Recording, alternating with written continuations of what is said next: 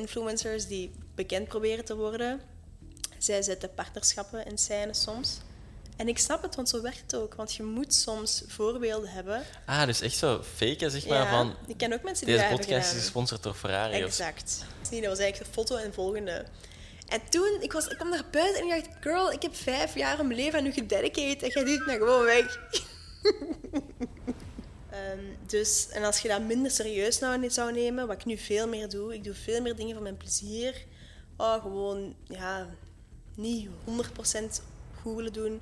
90% is vaak ook al Ja. heel goed. Welkom terug, welkom op een nieuwe episode van Casa Zuid. Vandaag verwelkomen we opnieuw een geweldige gast in de studio. Want vandaag hebben we niemand minder dan Farah Liete op bezoek.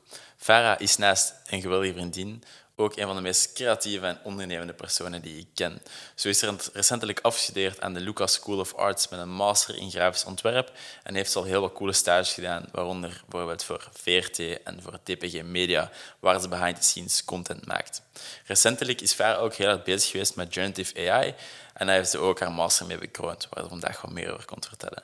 Daarnaast vertelt Farah ons over hoe dat jij en ik als creative aan de slag kunnen gaan met heel wat sidegigs, het maken van websites, het creëren van foto's en hele coole video's. En vertelt Farah ons meer over het belang van een goed netwerk. Als jullie dus meer willen weten over hoe het is om te hustelen in de wereld van creatives, luister dan zeker naar deze episode. Nee, er zijn een paar redenen waarom ik vandaag met jou wil samenzitten. Um, omdat ik vind één, dat je fantastisch goed bezig bent. En omdat je, je mindset op hoe dat je dingen aanpakt en hoe dat je voor elke... We zullen zelfs op wat dat je allemaal doet. Maar elke uitdaging die je tegenkomt, tackle jij gewoon head-on. Right. En dat vind ik echt fantastisch. En ik denk dat je daar wel heel wat mensen kunt inspireren in hoe kan ik mijn cre- mijn creatieve zelf naar buiten brengen misschien. Ja. Of met mezelf naar buiten brengen. Eh, want het gaat verder dan het creatieve natuurlijk. Ehm, hoe kan ik daar ook goed mee doen? Eh, hoe kan ik andere mensen daarmee helpen of zo? Ja. En eh, ja, hoe kan ik gewoon zo met nieuwe dingen beginnen? En ik weet niet hoe dat je gewoon zo die day-to-day dat aanpakt. Ik denk dat dat wel leuk is om... eh, Ja, Om te klopt. sharen. Ik denk, alles wat je nu al hebt gezegd, heb ik wel een, een idee of een antwoord Ah, voor. voilà. Dus Ja. komt goed. Dat komt helemaal goed. Misschien eh, gewoon luchtig. Je zei pas terug met verlof. Yes, ik ben eigenlijk, eigenlijk ben ik een maand weg geweest. Zalig. Vakantie. Ben net afgestudeerd in juni. Vrijwel meteen ben ik, daar, eh, ben ik vertrokken met mijn klasgenoten naar Porto een paar dagen. Dan met mijn vriendinnen en familie naar Puglia. Eh zijn met de auto naartoe gereden en dan eh, hebben wij met ons tweetjes afscheid genomen. Zijn wij overgestoken met de ferry naar Kroatië. En hebben we daar nog een dikke twee weken ons bezig gehouden. En we zijn net sinds eergisteren terug. En dat was echt tof. Eh, fresh from the sun. zalig, ja. Gewoon aan één stuk door? Of had ik misschien dat echt al die trips aan één stuk door had gedaan? Jawel, ja. Eh, Porto heb ik één nachtje uitgeslapen, maar Ja. voor de rest was alles wel ja, achter elkaar. Zalig. Ja, Zalig. zeker. Is het een aanrader? Ja, ja, want En wa- het was wa- zo tegen het einde dat wij alleen maar op vakantie waren. We zijn ongeveer een maand weg geweest. En wij dachten, stel je voor, je komt nu niet naar huis. Je zegt, boek nog twee weken of nog een maand. Want dat is wat veel mensen doen. Soms zijn mensen een jaar weg. Veel mensen doen dat, een gap year. En dan gaan die een jaar reizen. En ik heb dat nooit echt begrepen, hoe dat kan of zo. Ik denk, ja, twee weken heb je toch het gevoel van ik wil terug naar huis. Maar nu waren we al zo lang weg dat het al zo precies een tweede natuur voelde om weg te zijn. Ja. En je denkt, want we hebben nu ons appartement en ons katje en andere redenen om terug thuis te zijn. Maar stel, je hebt niet echt iets of je hebt je leven een beetje stopgezet thuis en je vertrekt. Ik denk dat dat echt wel heel speciaal, leuk, Moet anders moet zijn. Ja, dat is een andere manier van leven. Dat moet Is dat, Ja. is dat een levensstijl die je aanspreekt? Zo? niet per se. Ja, ik weet dat mensen dat doen en dat mensen dat heel leuk vinden. En ik kan me inbeelden dat een hele coole ervaring is. Het is niet dat op mijn bucketlist staat van ik wil eens een keer een jaar gereisd hebben.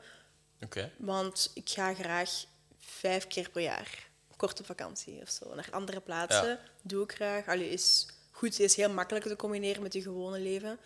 Maar ja, wie weet, wie weet als er ooit, weet ik veel, iets gebeurt. Je hebt ja, tussen twee jobs in of zo en dat komt misschien net uit. Ja, wie weet. Zou wel leuk zijn. Mhm. Ja, waarom niet? Ik weet ook dat elke keer als je op vakantie gaat en terugkomt, dat je iets nieuw post op Instagram. Mhm. Ah, TikTok zit ik zelf niet op, of op TikTok waarschijnlijk ook. Ehm, en dat is altijd op zo'n nieuwe insteek en zo'n nieuwe creatieve manier. En Ja, nu hadden je dat ook klopt, dat is waar. Dat een waar. vintage camera of zo, dat was super vet. Nee, dat is Eh, waar. Ik heb zo'n handicam cool filmpje, gekocht. ja. Ja. nee, maar dat is wel waar wat je zegt. Ik heb zo... Met beelden maken dan probeer ik altijd een nieuwe techniek te ontdekken of zo. Ik ga niet altijd hetzelfde blijven doen. En dan vorig jaar had ik dan mijn analoge camera mee. Had ik ja, analoge foto's gemaakt. En dan inderdaad na mijn vakantie zelf ontwikkeld en gepost en zo. Ehm, dat was waar ik toen mee bezig was. En nu, ik voel ook wel heel veel iets voor video. En dan vooral eigenlijk misschien wel met dat Instagram, TikTok, misschien toch wel als eindtool. Oké. Da in functie van daar ben ik vooral ook in video gaan denken. Het is iets om foto's te hebben, maar video's is ook wel iets helemaal anders. Het brengt ook een hele sfeer en vibe met zich mee. Klopt. Dus toen dacht ik, ja, ik ga eh, geen film draaien op vakantie. Dat is kei, duur. Dus ik ga een handycam kopen, want dat is ook een leuk Ja? effect dat nu ook wel helemaal terug, terug is. Heel veel ja, creators hebben zo'n oud digitaal cameraatje Oké. met zo'n 12 megapixels. Dat is echt Ja. lelijk, maar het heeft een vibe. Ehm zo die Y2K-stijl, waar mensen nu meer terug naartoe neigen. Dus ik had het Y2K, sorry dat ik je onderbreek, voor mij, ik ben, voor mij is dat redelijk Mm. Chinees allemaal. hè. Y2K, oké, oké. Ja, Y2K is zo the year 2000, Y, 2K. Ah, oké. en dat is ja. zo wel ja, die periode, ja, 2000. Ik was zelf toen nog maar twee, of, of heel klein. Ja. Maar ja, het is zo wat die, ja, die pixie haircuts, digital, ja, heel ja, Windows, ja, pixelfoto's, ik Oké, weet het niet. ja. Ja, ik, ik heb dat helemaal visueel in mijn hoofd. Eh, ben ik wel tot aangetrokken tot die stijl. En die is ook wel wat in, ook in kleding en zo. Dragen mensen dan meer terug low-rise jeans in plaats van de high-waist jeans. Of zo wat chrome eh, elementen in plaats van ja, misschien ja, die baggy mom jeans die Ja. misschien een paar jaar geleden waren. Dus wat. Dus dat is dan ehm ja, modegewijs, maar ook in video. ehm ja, zie je nu ook heel veel van die oude digitale camera's eh bovenkomen. En die heb ik dus ook gekocht en die ben ik dus ook gaan gebruiken. En inderdaad, zoals je nu ook hebt gezien, heb ik daar een paar video's van gedeeld op Instagram en TikTok. Eh, want dat is waar ik nu mee, mee Ja. bezig ben geweest. Ik ga die zeker linken ook. eh, super interessant om eens naar te sure. kijken voor mensen die zich afvragen wat dat dan, hoe dat er dan uitziet. Ja. En misschien om in zo'n Y2K, eh, ik zeg het juist, Mhm, hè, Y2K-filmpje te duiken, helemaal terug te gaan naar 2000. Farah Lita op tweejarige leeftijd, denk ik. Klopt, ja, twee jaar. Van waar komt die creativiteit? Of van, van, van wanneer was het moment dat je zo door had in je jeugd van deze dingen vind ik wel tof? Ehm, zo art en, en ja. creativity. En, Ik ben altijd al een heel ja, een kind geweest, want ik ben een enig kind. En ik was ook een kind dat zich alleen bezig hield. En toen ik pas eh, ja, vriendjes of stiefzusjes of broertjes kreeg en die waren met mij meespelen, ik vond dat niet leuk. Ik dacht, nee, laat mij doen. Ik wil alleen spelen. Mijn Playmobil-verhaal zit in mijn hoofd. Ik wil dat alleen doen. Dus ik heb me altijd alleen goed bezig gehouden. Dat is nog altijd zo. Ik kan eigenlijk een maand alleen zitten en ik kan me bezighouden. Ik zeg niet dat ik geen mensen ga missen dan, maar ik zou me wel niet vervelen. Sommige mensen hebben heel veel angst van alleen te zijn. Merk ik soms precies bij mensen. En dat heb ik absoluut niet. Ehm, maar dus ik deed al heel veel van die dingen, zoals ja, kleuren en tekenen en knutselen. En dus het is ook een beetje wat, wat ook iemand mij ooit vertelde. ehm, het verhaal van jezelf of van je jeugd is eigenlijk niet uw verhaal, het is wat andere mensen over u vertelden. Ja. Want toen dat jij vijf jaar waart, je had nog geen zelfbesef van wie ben ik op deze planeet. Maar het is omdat andere mensen zeiden, ah, Farah is een creatief kind. Ah, Farah die tekent goed. Dus dan neemt je over, ah ja, ik teken goed. En dat is iets dat je zo vaak wordt gezegd, dat je dat ook herhaalt. En dan heb je zo'n soort van ingeprente definitie van jezelf. Ik ben Farah en ik ben een creatief kind. Ja. En dus dat blijft altijd een beetje bij u. Dus ten eerste dat. En dan, om daar effectief iets mee te doen, ja, ik weet niet. ehm, ja, nee, ik maakte veel video's eigenlijk al, camera's. Uh, rond mijn 14 of zo heb ik de eerste keer een camera vastgenomen. En ik maakte home video's, altijd als we op vakantie waren. Of, of een onderwerp thuis. Of, of het proces toen ik eh, mijn rijbewijs ging halen bijvoorbeeld, heb ik een vlogje van gemaakt. Ik deelde dat aan niemand, hè. dat was gewoon voor mezelf. Ik maakte zo wat vlogjes toen. zijn die Dus nog ik eh, altijd, die heb ik nog wel. Jij mocht Cool. die zeker zien. Ja, Ja, ja, deel. Je heeft er een boodschap aan, maar ik kan ze aan je zeker laten zien als je dat wilt. Ehm, en dus dat heb ik altijd wel gedaan. Dan, ja, mm, vooral omdat je vraagt van wanneer was voor u het moment dat jij daar iets mee wou, wou gaan doen. Ik heb dan marketing gestudeerd, afgemaakt, was leuk. Maar daar voelde ik toch wel van, dat is misschien, of ja, dat is sterk businessgericht. Vind ik ook heel interessant, maar ik mis het toch om iets te maken. En dat heb ik toen gemerkt dat ik dat miste. Dus Ja, toen ben ja. ik een creatieve opleiding gaan bijdoen, grafisch ontwerp, waar ik dan nog altijd heel breed te werk ben gegaan, zowel grafisch ontwerp als digitaal, eh, 3D design of foto's en video's. En dan nu sinds de laatste ja, vier jaar dat ik heb gestudeerd, heb ik toch wel ja, goed. Het was een bevestiging van, ah ja, dit, ja, dit wordt het toch wel. Die Ja, business ja, ja, ja. achtergrond super goed, super leuk, interessant. Maar Dus je ja, hebt, vooral dan heb ik beslist van, oké, hier wil ik echt wel mee verder gaan. je hebt echt je passie gevonden dan nu. Ja, toch Ja, wel, ja. Mm. zalig. Dat is, ja, dat is echt al een blessing, hè? Ja, ik- Toch? ja klopt. Die- Dat moet toch zo Ja. een goed, een goed gevoel geven. Dat is van, waar, dat is ik, waar. ik zit hier in, in deze omgeving en ik voel me wel helemaal thuis. Ja, En ik wil zelfs ook wel wat dieper ingaan op de projecten die, die je gedaan hebt. Ja.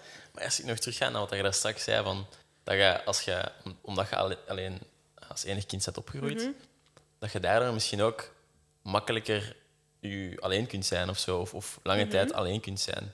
En dat zou echt wel kunnen dat daarmee te maken heeft, want inderdaad, ik vind dat wel iets moeilijk of zo om, om heel lang alleen te zijn, Mhm. afhankelijk van de situatie natuurlijk waar je in zit.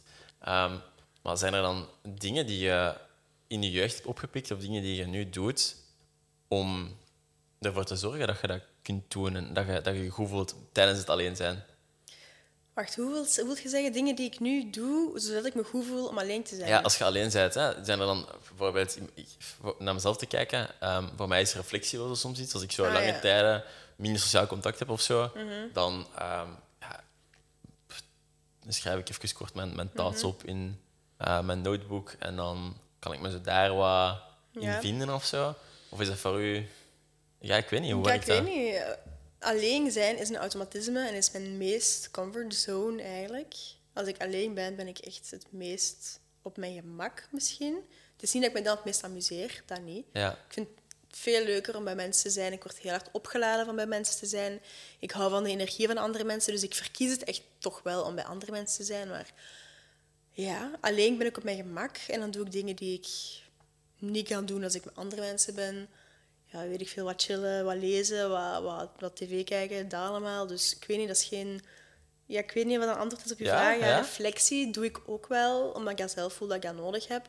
Eh, vroeger, ik heb heel lang ook wat gejournald, maar dat was dan misschien om de twee maanden voelde ik van dit moet ik opschrijven, dan deed ik dat. Ehm, oh, ik praat nu veel meer dan vroeger misschien met anderen als, er, als mij iets stoort met mijn vriendin heel veel. Dus zo dat opschrijven is minder nodig, omdat ik dat heel snel nu deel met iemand. mijn mama, vrienden, mijn vriendin. Ja, ja. het hoeft niet meer eigenlijk. Ja, Ja. Soms denk ik van, ah, ik moet nog eens journalen, want dat heeft me altijd geholpen. Maar ik, Maar ik je- heb het precies hè? minder nodig, want ik Tuurlijk. praat heel veel. tuurlijk.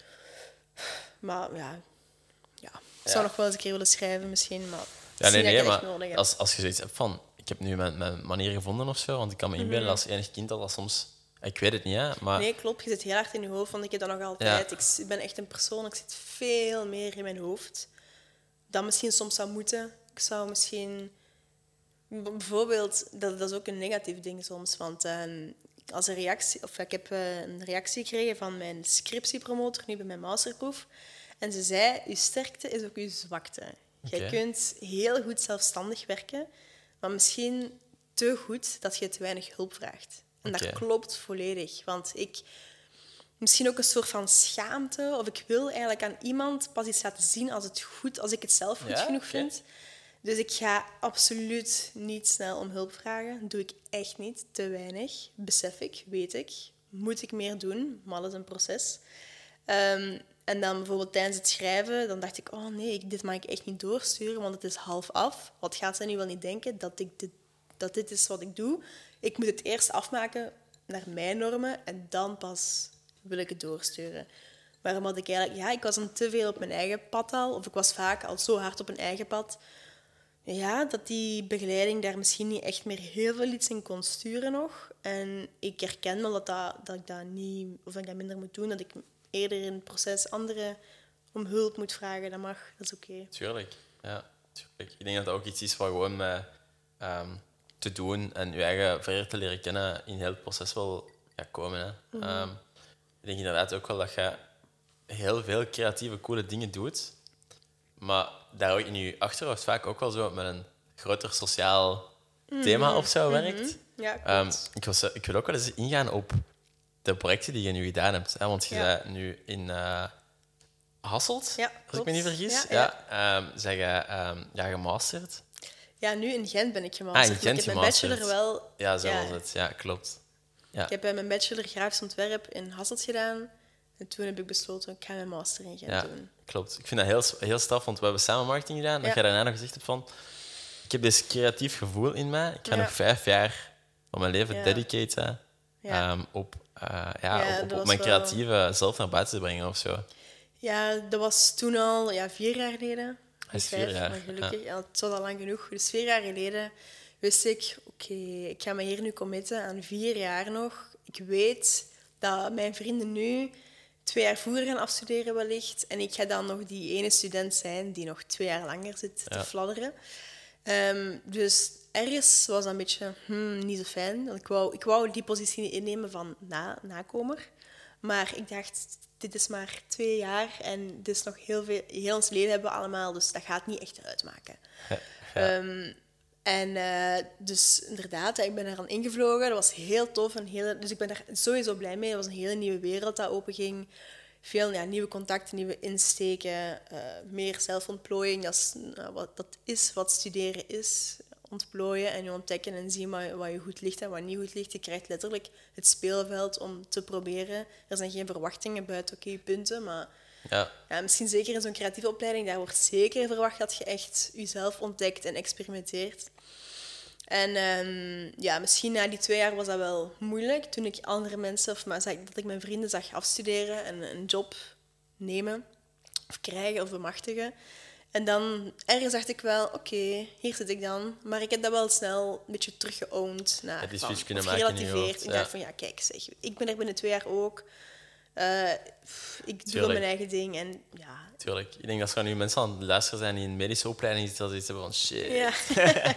Zij bent vier jaar lang, fuck, ik zit nog zes jaar vaststaan. Soms heb je ook mensen die 35 zijn of 40 Tuurlijk. zijn en die terug een Tuurlijk. opleiding gaan doen in geneeskunde zelfs. Of zo. In Hasselt zaten ook twee 45-jarige vrouwen die hun carrière beu waren en die zijn dan iets nieuws gaan studeren. En, ja. Het is dat. En ik denk dat dat zo krachtig is. Dat dat, dat net je voordeel is, dat je, daarom dat ik het er straks vroeg, dat je voelt dat je passie gevonden hebt. Mhm. Ik denk dat dat iets is wat ik persoonlijk mee struggle, waar dan misschien nog andere mensen Mhm. mee struggelen, is Ja. zo denken, oké, waar ligt mijn passie? In welk veld ligt mijn passie? Dat hoeft nog niet gepinpoint zijn, maar dat je wel al weet van, Ja. ik voel me gelukkig in deze richting en dat Mhm. gaat goed komen. En ik weet wat mijn sterktes daarin zijn en ik kan dat gaan monetizen. Eh, Ja. En dat is wel cool.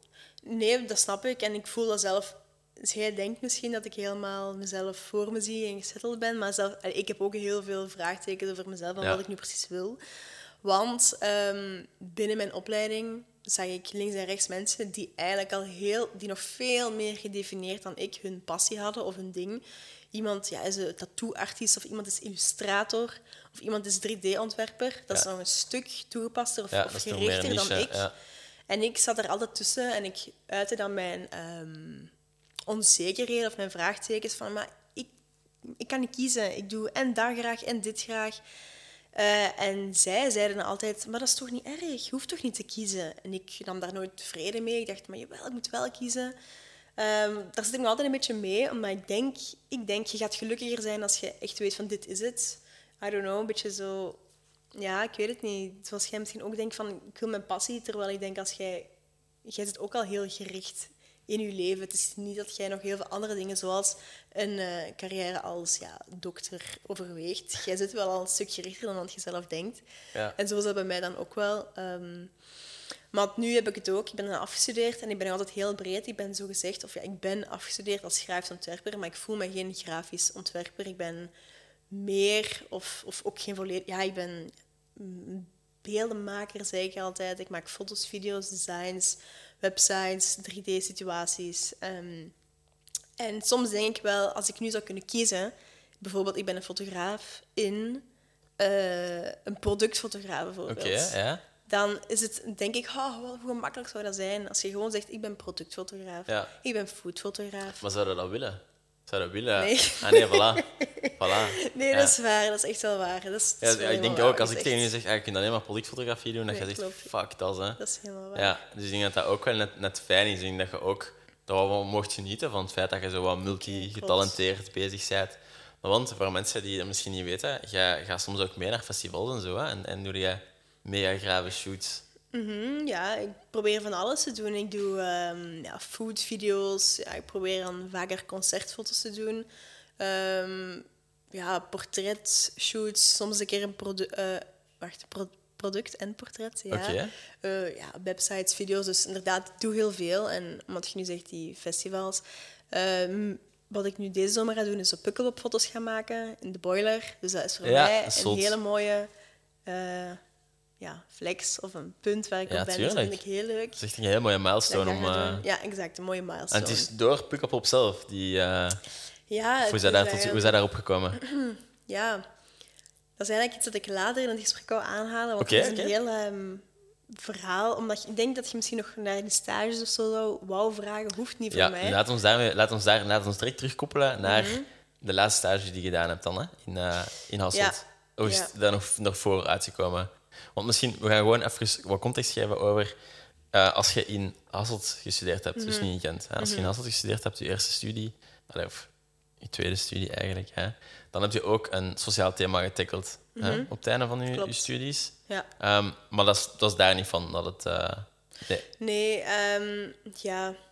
Misschien wat, wat had je gedaan, voor mensen die dat misschien niet weten? Ja, in eh, mijn bachelorproef heb ik een fotografische portretreeks gemaakt rond genderexpressie.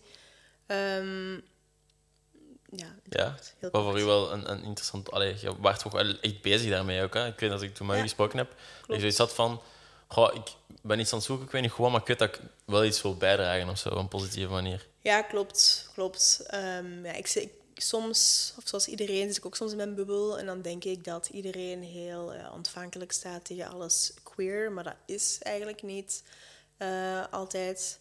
Ehm, ik ben er zelf nog niet mee in contact gekomen, maar ik weet dat het bestaat, ook in België. Ja. Zo onverdraagzaamheid.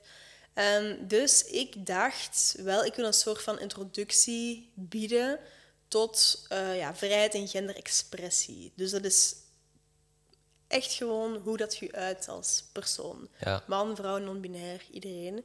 Ehm, want ik zelf, als kind, heb ik daar problemen mee ondervonden. Ik, als kind is alles eh, roze of blauw. Je moet oftewel tutus dragen, oftewel eh, voetbalbroekjes. Oftewel speelt je met Barbie, oftewel met Lego.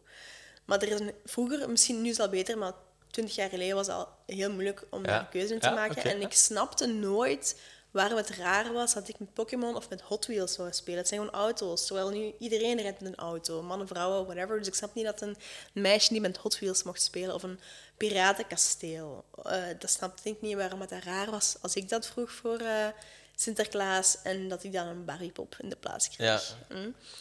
Dus daar heb ik altijd al moe- moeite mee gehad, omdat ik als kind daar zo automatisch een sterke positie in heb genomen. Ik, heb, ik ging naar de jongensafdeling omdat ik eh, die jeansbroeken wou dragen met graffiti graphics op. En ik wou niet die regenboog ja, jurkjes dragen.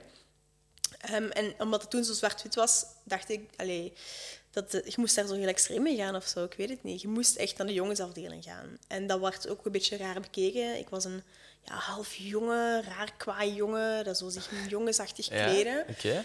Ehm, en dan als puber begint je daar misschien een beetje voor te schamen of, of terug, te, dus terug te draaien. Dus Ja. ben ik, heb ik misschien zo meer een girly periode gehad. En is Dus dat omdat er dan externe comments op kwamen? Eh, nee. Of omdat jij met een sociaal beeld dat je had van de wereld in je hoofd zoiets had van, ik moet me anders gaan kleden? Beide wel. Eh, daar komen wel reacties op, maar niet negatief. Maar wel zo bijvoorbeeld...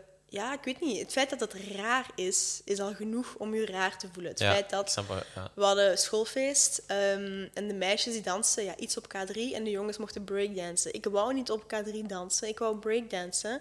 Dus ik vroeg, mag ik mee met de jongens dansen? En dat was dan even raar, want ik moet dat vragen. Het feit dat ik dat moet vragen, toont dat dat abnormaal is, of Ja. niet de normale gang. Wat ervoor zorgt dat ik, dat, ja, dat ik daarbij stilsta en dat ik heel actief daarnaar ja, die, die stap zet van ik wil breakdansen. Het is niet dat dat... Wie wil dit doen, wie wil dat doen? Dan denk je daar niet bij na. Dan kies je dat gewoon. Maar ik moest echt die stap zetten. Ik wil met de jongens breakdance. En Ja. dat was dan wel oké. Iedereen vond dat wel oké. Maar mensen lachten daar wel een beetje mee. Of, maar niet op een slechte manier. Maar dat was zo... Ha, allee, ah ja, daar staat Farah weer. Ah, zo. ja. En dat was helemaal oké. Maar toch was dat wel raar. En ehm, ja, ik heb me daar daarna wel een beetje tegen afgezet. Zo echt niet meer in meegedaan. Een beetje meer dat meisjesachtige proberen te omarmen. Oké, in je puberteit dan. Ja, Ja. maar dan was dat ook weer niet volledig dat. Want je zei ook wie dat je bent. En ik Ja. ben niet zo'n ja, Barbie of zo. Terwijl ik dat heel cool vind, hè. meisjes of vrouwen die zo zijn. Nu, ik verzet me ook helemaal niet tegen regenbogen of pink of Barbie. Ik vind dat heel cool als je heel vrouwelijk kunt zijn. Ja. Maar ik ben zo wat dat... Ja, ja, de type dat ik ben. De persoon die ik Ja, ben. Iedereen heeft zijn eigen stijl. En ook als je ouder wordt, dan eh, ja, maakt het allemaal niet meer zoveel uit. Ja. Bij, allee, iedereen is anders en iedereen heeft zijn eigen stijl. En het is niet meer zo zwart, wit, roze, blauw. Oké, en is er een moment gekomen dan waar, waar dat je het had van oké, dit is wie ik ben? Of is dat gewoon nog altijd dat je op zoek bent naar wie dat je bent? Dat kan, hè? Dat je nog altijd aan het denken bent van... Hoe... Ik heb wel het gevoel dat jij iemand zei... Dat jij uit die persoonlijkheid op een heel authentieke manier. Snap je? Door naar u te Ja. kijken, weet ik wie Farah is. Ah ja. Persoonlijk. Misschien ook omdat ik u redelijk goed ken. Ja. Maar ik vind dat je je persoonlijkheid... en Dat klinkt misschien super vaag of zo. Maar ik vind dat je persoonlijkheid op een heel coole manier gewoon uit... Oké. Ja, dat kan. Ja, ik ben daar niet zo echt mee bezig met hoe uit ik wie ik ben of zo. Ja, ik denk. Ik weet het niet. Ik, ik weet niet hoe de misschien andere mensen zich... Misschien het ben ik helemaal iemand anders. Ja. Of misschien inderdaad, nee. Maar- misschien ben ik maar even wat de kapsel zie je zo, soms, soms denk je van, oké, Ja. weet je, fuck it, ik voel gewoon dat ik deze wil doen, ik doe nee, dat. klopt. Dat Maakt niet uit hoe de andere mensen erover gaan denken. Ja, het ding is wel, dat klopt wel. Als puber of zo, dan denk je heel veel na over wat anderen van je denken. En ehm, nu, ik ben blij als ik zelf blij ben met wat ik doe of wie ik ben of whatever. Dus als ik een keuze maak, eentje die ik maak, maar waar ik bijvoorbeeld niet achter sta, of, of, een, of een kledingstuk dat ik zou aandoen, wat dat ik zelf niet mooi vind, dan zou ik dat echt niet leuk vinden als iemand dat ziet of zo. Want dan denk ik, zo- want zo wil ik ook niet overkomen. Dan, in die zin denk ik wel na over wat andere mensen van mij denken. Ik niet dat ze een verkeerd beeld van mij hebben, een beeld dat ik niet uitstraal. Ja. Of, of iets, als ik iets uitstraal wat ik niet ben, dan zou ik dat niet fijn vinden als andere mensen dat zien of zo. Oké. Ja, ik weet niet. Ja, ja, ik, Ik snap, wil- ik snap wat je wilt zeggen. Ik, ik, I come as I am. Dus inderdaad, wat ik, wat ik zeg is wat ik meen. Wat ik aandoe is wat ik wil. En wat ik doe is wat ik graag doe. Ehm, en zo voel ik mij het beste. En als ik heel definite een keuze maak van dit is nu echt wat ik wil kopen, de- deze broek, of dit is nu echt iets waar ik achter sta, dus dat ga ik zeggen. Als ik daarachter sta, dan maakt me dat niet uit wat iemand anders zegt. Ja. Dus dat, is, dat, dat, dat, maakt niet uit. Maar misschien als, je, als ik zelf nog niet de goede weet, wat nu de mooiste kleur is, of wat is nu de overtuiging dat ik heb, dan, ja, dan, dan ben ik daar wel onzeker over. Of dan ga ik Ja. dat wel niet zo uiten. Ehm, Het is sowieso een, zoektocht. Hè. Misschien om naar van je ware zelf de brug te maken naar dan waar we op komen. Mhm. hè. uw, uw tweede project ja, in Gent. klopt. Ja. mhm. Dat is echt... Ik weet, niet, ik weet niet hoe het komt, maar dat is wel redelijk viraal gegaan, toch ook? Nee? Redelijk wat? Redelijk viraal gegaan ook. Hm, Nee, ik denk het niet. Ah, ik vond zo, dat wel gek dat ik zo keek en ineens had jij dat een week tijd of zo 2000 volgers of. Gekocht. Ah, gekocht. Oké, oké, ja, om even context te geven. ehm, ik moest een masterproef doen het afgelopen jaar. ehm, en ik wist de eerste maanden niet goed waarover ik dat zou doen. En in december kwam ik dan ChatGPT tegen. Ja, iets wat iedereen nu kent, maar wat toen shocking was, dat ja, dat Dat was bestond. dus zijn eerste ja, populariteidsstapjes, d- ja, inderdaad. Dat kwam babystapjes. voor de eerste AI, hoe het nu gekend is, kwam voor de eerste keer onder de wereld. Daarvoor, ik, ik dacht AI zijn de slecht werkende chatbots van bol.com, waar je niks aan hebt. Dat dacht ik. Ehm, en toen chatte ik even met ChatGPT en ik dacht, wat is dit? Als dit nu al kan in 2022, wat binnen vijf jaar, tien jaar, vijftig jaar? Ik was gewoon, ik, heb ik ben daar een week niet goed van geweest. Eigenlijk nog altijd niet als ik daar nu bij nadenk, maar ik was daar ja, niet goed van. Dus om ook, ja, ik probeer altijd nieuwe technieken of nieuwe methoden of nieuwe ja, media te, te experimenteren.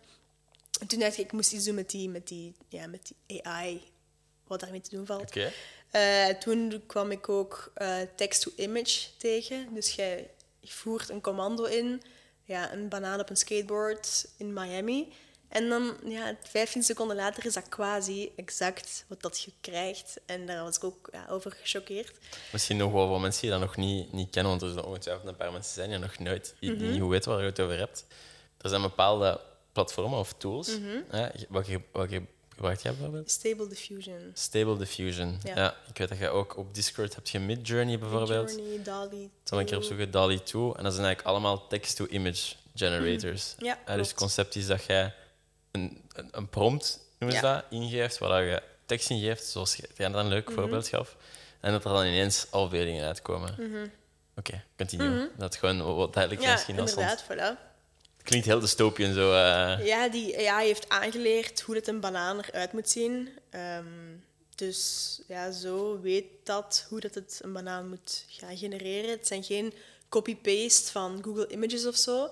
Het is echt, ja, die AI bouwt een nieuw beeld op met, met pixels. Dus het is eigenlijk echt een eigen creatie van die AI. Ehm, omdat die ja, miljoenen foto's aan data heeft gekregen. Ja, om, om, om te leren hoe iets eruit Ja. ziet. En zo leert Als het je het het woord banaan geeft, gaat hij dat linken aan hoe ziet een banaan eruit. Ja, die weet dat eigenlijk. Ja. Het is een intelligentie die weet dat. Ja, en die Dus- leert zichzelf het bij. En die leert zichzelf bij. Heb je dat toevallig zo gezien? Hoe dat, er, er is een heel coole post ehm, van iemand die daar hard mee bezig is, die zo in kaart brengt hoe dat, dat model Mhm. in december was, toen jij daarmee begonnen bent, tot vandaag. En hoe op, dat, op Ah. zes maanden tijd, of ja, op zeven maanden het tijd. Echt gelijk. Allee, dat is zot. Van Ja. zo wat quirky, gimmicky, maar zo een banaan die dan zo Ja. geblend is met een mensenkop of zo, naar nu echt zo'n een, een National. Geographic gorilla in de jungle met een banaan dat je Exact. denkt van wow, Op the zes fuck. maanden dan, ja. Ja, dat geloof ik super hard dat dat Echt maf. v- meer dan vliegensvlug gaat komen. Ehm, want ik dacht toen, ik ga hier iets mee doen. En ik zat parallel ook met het idee...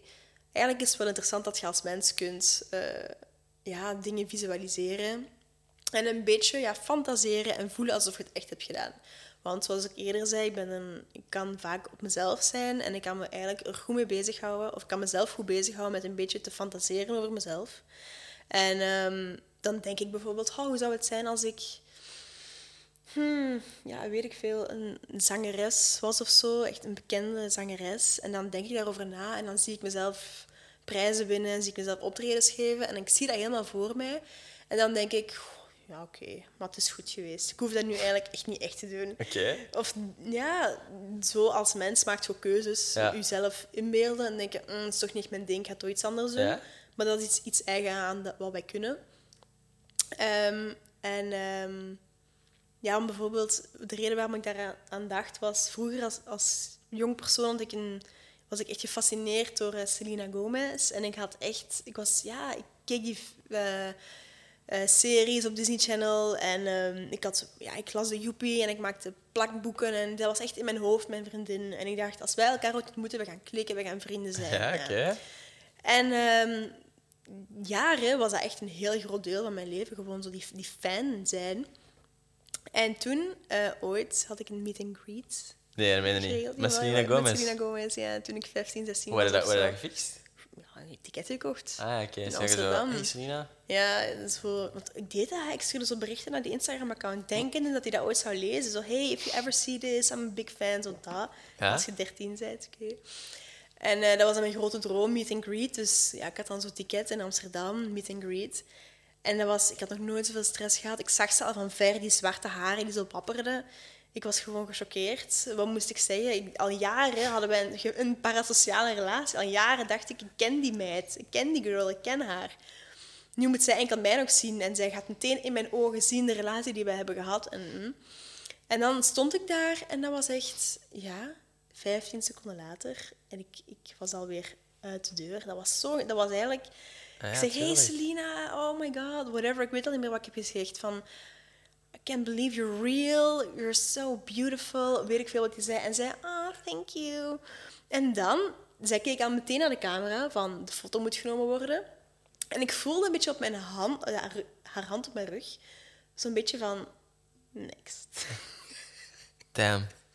Voor Inderdaad. tiener Farah moet dat wel was echt een, devastating. een van de dacht- zware levenslessen zijn, toch? Echt waar, ja. Want ik dacht echt, we gaan tien minuten praten. Maar dat was niet. Dat was eigenlijk de foto en volgende. En toen, ik, was, ik kwam naar buiten en ik dacht, girl, ik heb vijf jaar mijn leven aan u gededicated en jij doet het nou gewoon weg. dus ja, ehm, en, en sindsdien, ja, ik was nooit meer dezelfde. Nee, obviously. Nee, maar ik moest eraan terugdenken nu de afgelopen maanden van hoe zot is dat dat ik daar jaren door geconsumeerd kan zijn. Ja. En, en dat was in mijn hoofd. Dus ik dacht, ik wil dat een beetje op een manier naar buiten brengen. Dat ik dingen kan fantaseren en dat ze toch hebben gebeurd. Dat ze toch hebben plaatsgevonden. Dus ik had er niet beter op gevonden. Ik maak een AI-versie van mezelf. Ook Ja. gewoon omdat ik dat technisch interessant vond om dat te ontdekken. Hoe kun, hoe kun je dat doen? Je moet eh, heel simpel 30 foto's van jezelf uploaden in verschillende perspectieven. Een uurtje is dat programma bezig. En dan heb jij een model. Dat je dan een soort van code moet ingeven. En dan heb ik ja, Farah, mijn model, ja, poseert op de red carpet of eet een croissant. Ja. En dan 15 seconden later krijg ik gewoon een foto van mezelf die een croissant eet. Iets dat Absurd. Of ja, of ik die in de ruimte zit. Iets dat ik nog nooit heb gedaan, Ja. maar ik zie wel een foto van mezelf. En ik wou er een beetje iets, zo, iets sociaals, relevant van maken. Want ik denk, je denkt een beetje aan, aan Instagram-cultuur of aan sociale media-cultuur, waar alles ja, fake is, zo gezegd.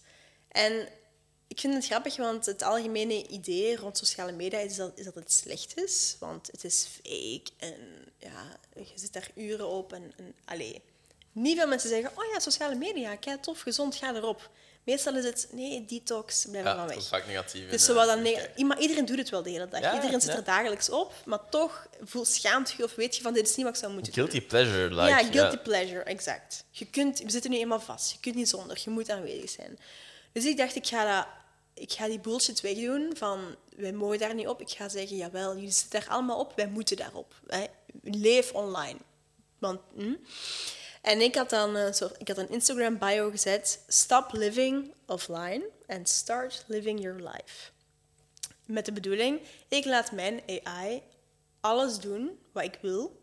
En ik post op sociale media alsof ik, heb, alsof ik het heb gedaan. Ja. Want gepost is gebeurd. Ja. En stel, ik had mijn account niet AI Farah genoemd. En ik, en ik had Ja, die foto's gewoon... Hoe, ja, ik heb hoe noemt u eh, mensen Mijn die Instagram bekijken? Hoe heet Instagram? I am AI Farah. I am AI Farah. Dus ik heb besloten om dat op een apart account te doen, omdat het, ja, het, ging, het ging over school. Ik wou dat niet met mijn persoonlijke dingen eh, doen. Maar ik, ja, eigenlijk was het misschien wel interessanter geweest als ik dit wel op mijn eigen account was beginnen posten. En ook die foto's zien er wat funky uit. Ik heb soms drie armen en, en twintig vingers. Maar ja, nu, zes maanden later, of misschien als je al wat beter ges ja, allee, geskilled bent in, de, in AI beelden maken, je kunt een beeld maken dat één op één echt lijkt. Stel, ik was dat wel beginnen posten op mijn echte account. En mensen waren wel echt beginnen denken dat ik dat was. Dat was nog interessanter geweest dan wat ik nu heb gedaan. Ik heb al van dag één gezegd, jongens, dit is fake. Ja, je hebt dat dit is toegegeven. AI. Ik heb dat Ja. toegegeven. Eigenlijk was het interessanter geweest als ik het echt had Ja, the road is out of the head Maar het is wel wat ik ermee bedoelde. Van, Ja. dit zou wel maar eens even kunnen. Want dit is wat mensen nu ook al doen. Mensen zetten ook al foto's in scène. Ja, dat zie je super vaak. Instagram versus reality. Dus dit gaat gewoon gebeuren. Mensen Ja. gaan gewoon een AI-versie hebben van zichzelf. En ze gaan, dingen laten, of ze gaan die AI dingen laten doen om te tonen dat ze het hebben gedaan. En als Ja, mensen ja, zeggen dat is niet waar, dat, het is tuurlijk. Mensen hebben vorige week allemaal een eh, Instagram Blue checkmark gekocht om zichzelf belangrijk te voelen. Je kunt een Instagram blue checkmark kopen. Je nu. kunt die Blue checkmark kopen. Ja, dan moeten we wel. Allee, ik ga dat wel zeggen, dat Ja, maar eh. ja, ja. Ah, maar- voor gewoon een podcast of zo. eh. Tuurlijk, tuurlijk. Maar ik had daar straks nog gezien, op dag 1 had Instagram al voor 800 miljoen euro aan Ah, maar blue zweer dat die dat ook gekocht. doen. Dat is, ik vind dat eigenlijk wel een beetje loos. Wat? Dat die dat doen. Zo Wie? fake blue, blue Tuurlijk, maar, maar mensen doen het wel. Het Ja, gaat er niet over wat Iedereen wil ervan vindt. Het gaat erover dat mensen het doen. Goed businessmodel. En dus Ja. dat wat ik bedoel met die AI-avatars. Ja. Als ik dat zo claim en zeg mensen gaan dat doen, Ja. mensen zeggen dat is niet waar. Maar jawel, want mensen doen het nu al. Het is gewoon omdat ze het nog niet echt kunnen. Maar mensen photoshoppen ook soms lelijke objecten weg op de achtergrond van een foto om te kunnen posten, om de mooiste foto te hebben. Mensen hebben vorige week massaal een blue checkmark. Ik ken mensen die dat hebben gedaan. Die Ja. plots een blue checkmark hebben. Plots zijn Maar zij en- en- verified. Ja, en is het dan eh, omdat die 10.000 likes, eh, volgers hebben? Of? ja, mensen willen soms, sommige mensen willen zich profileren als een bekend persoon. Ik zeg maar iets als bijvoorbeeld een beginnende acteur of een influencer. Ja. Ja, het zou misschien een beetje raar zijn als ik dat zou doen. Iemand die zich niet echt, iemand die zich niet eh, extern profileert als een bekend persoon. Maar sommige mensen proberen dat wel te doen. Ehm, en ergens werkt het ook wel hoor. Ik ga het wel toegeven hoor. Want ehm, als je zo door Instagram comments aan het scrollen bent. En soms zit iemand zo met een blauw, blauwe checkmark in de comments. Ik ga daar wel even op klikken. Ja. Van, hmm, dus misschien hangt misschien toch iets meer waarde aan of zo aan dat account. Klopt. Wie is dit? Ja. Of ehm, mensen, influencers die bekend proberen te worden. Zij zetten partnerschappen in scène soms. En ik snap het, want zo werkt het ook. Want je moet soms voorbeelden hebben. Ah, dus echt zo faken, zeg maar, Ja, van... ik ken ook mensen die Deze podcast is gesponsord door Ferrari of Exact. zo. Ja. Bijvoorbeeld nu ook, we drinken Aperol Spritz. Ja, maar we zijn wel echt gesponsord Nu, door... eh, ja, wij zijn ook gesponsord door Aperol. Aperol Spritz, dus, Dus- eh, iedereen... eh, Exact. Stel je voor, je, hebt, je zet een reclamebord van Aperol achter je. Je zit, we drinken Aperol. Want je hebt merch. Jij kunt gewoon in een tweedehandswinkel of online of nieuw, waar, waar ook, Aperol eh, merchandise gaan kopen. Je kunt dat hier zetten. En dan zeggen wij zijn gesponsord door Aperol. En dit, die foto's of deze podcast kun je dan sturen naar iemand door wie je wilt eh, gesponsord worden. En dan zeg je, wij werden eerder al gesponsord door Aperol. Slim. En dan... Smart.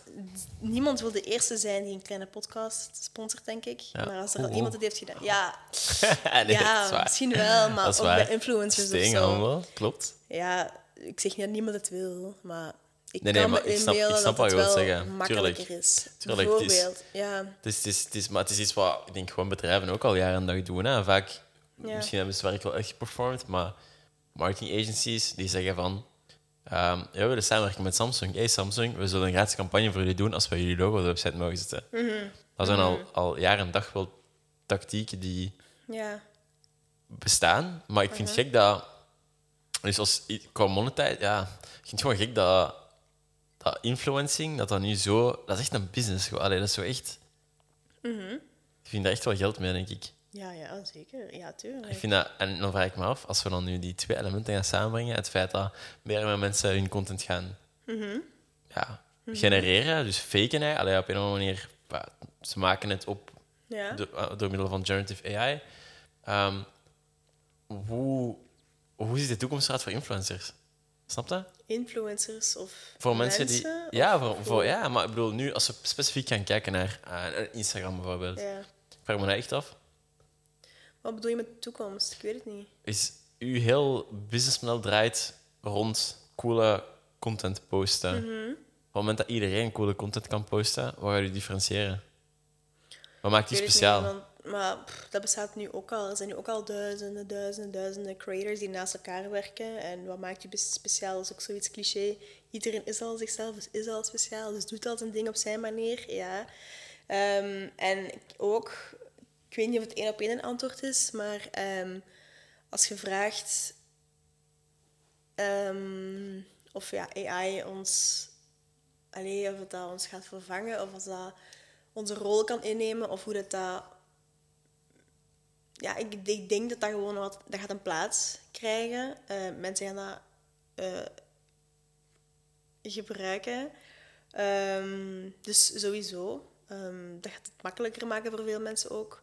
Ehm, ik, denk wel, ik denk wel dat mensen het nodig hebben om, om nog altijd een, een gezicht te hebben. Ik denk niet dat dat gaat werken, zo'n eh, virtuele influencer bijvoorbeeld, want dat, is ook, dat bestaat ook al. Ja. Er bestaan echt ja, virtuele influencers. Dat werkt niet echt, omdat mensen daar toch... Ja, ze missen toch een beetje die authenticiteit of die herkenbaarheid van, maar dit is geen persoon.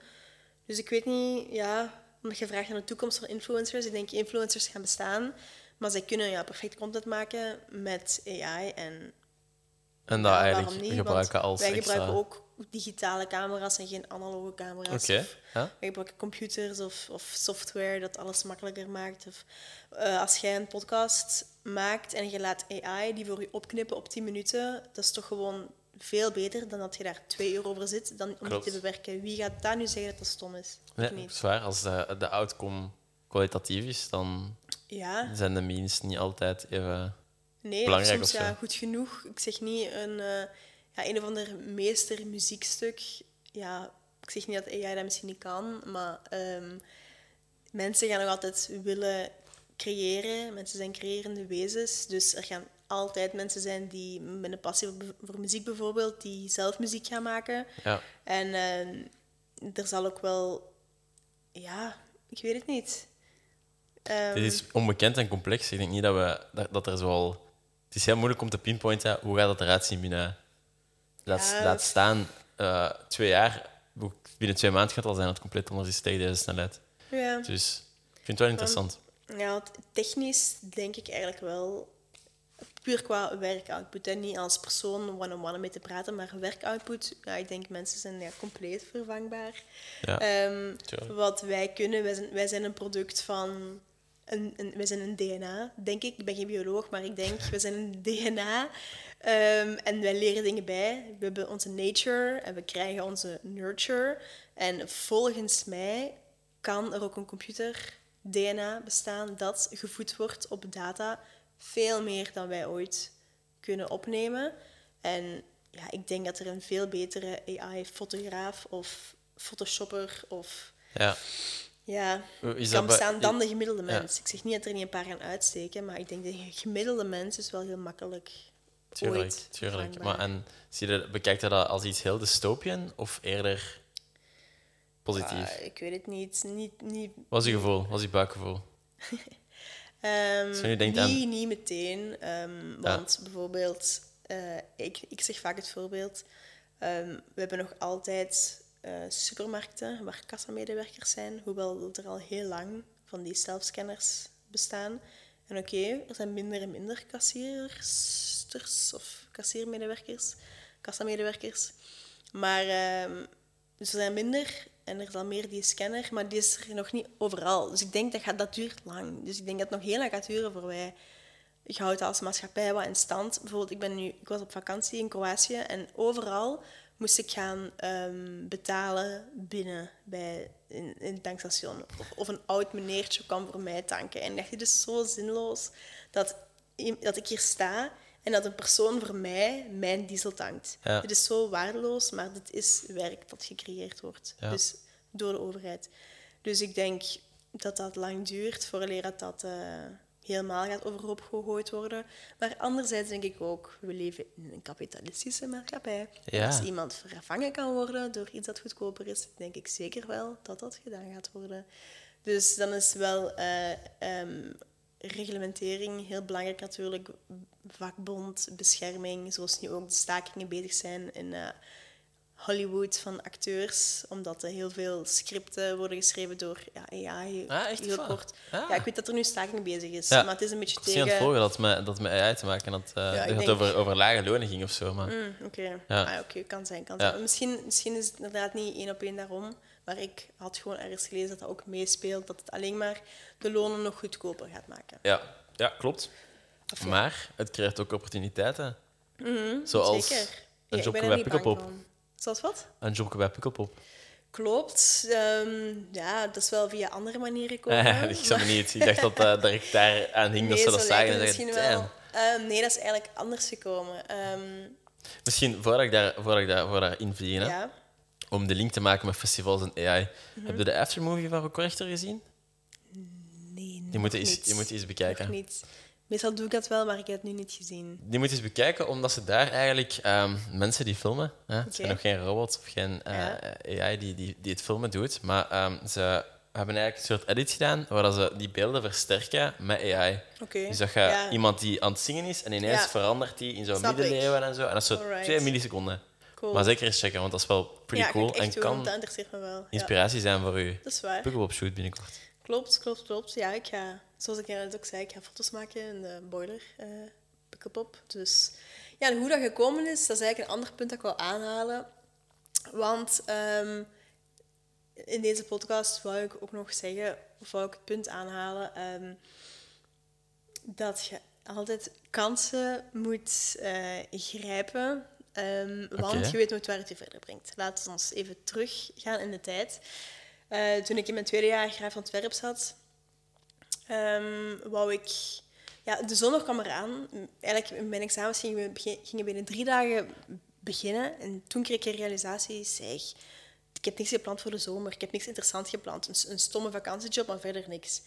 En ehm, voor mij is de zomer altijd een punt van reflectie waar ik stilsta en terugkijk naar het jaar daarvoor en zie waar mijn leven veranderd is. Voor veel mensen is dat 1 januari, maar als een student is 1, jaar, 1 januari gewoon een dag als een andere. Ja. En is de zomer die twee, drie maanden van niks. Ja. En dus voor mij is dat zo gegroeid dat het altijd het moment was van waar ik terugkeek naar vorig jaar. Hoe ben ik gegroeid?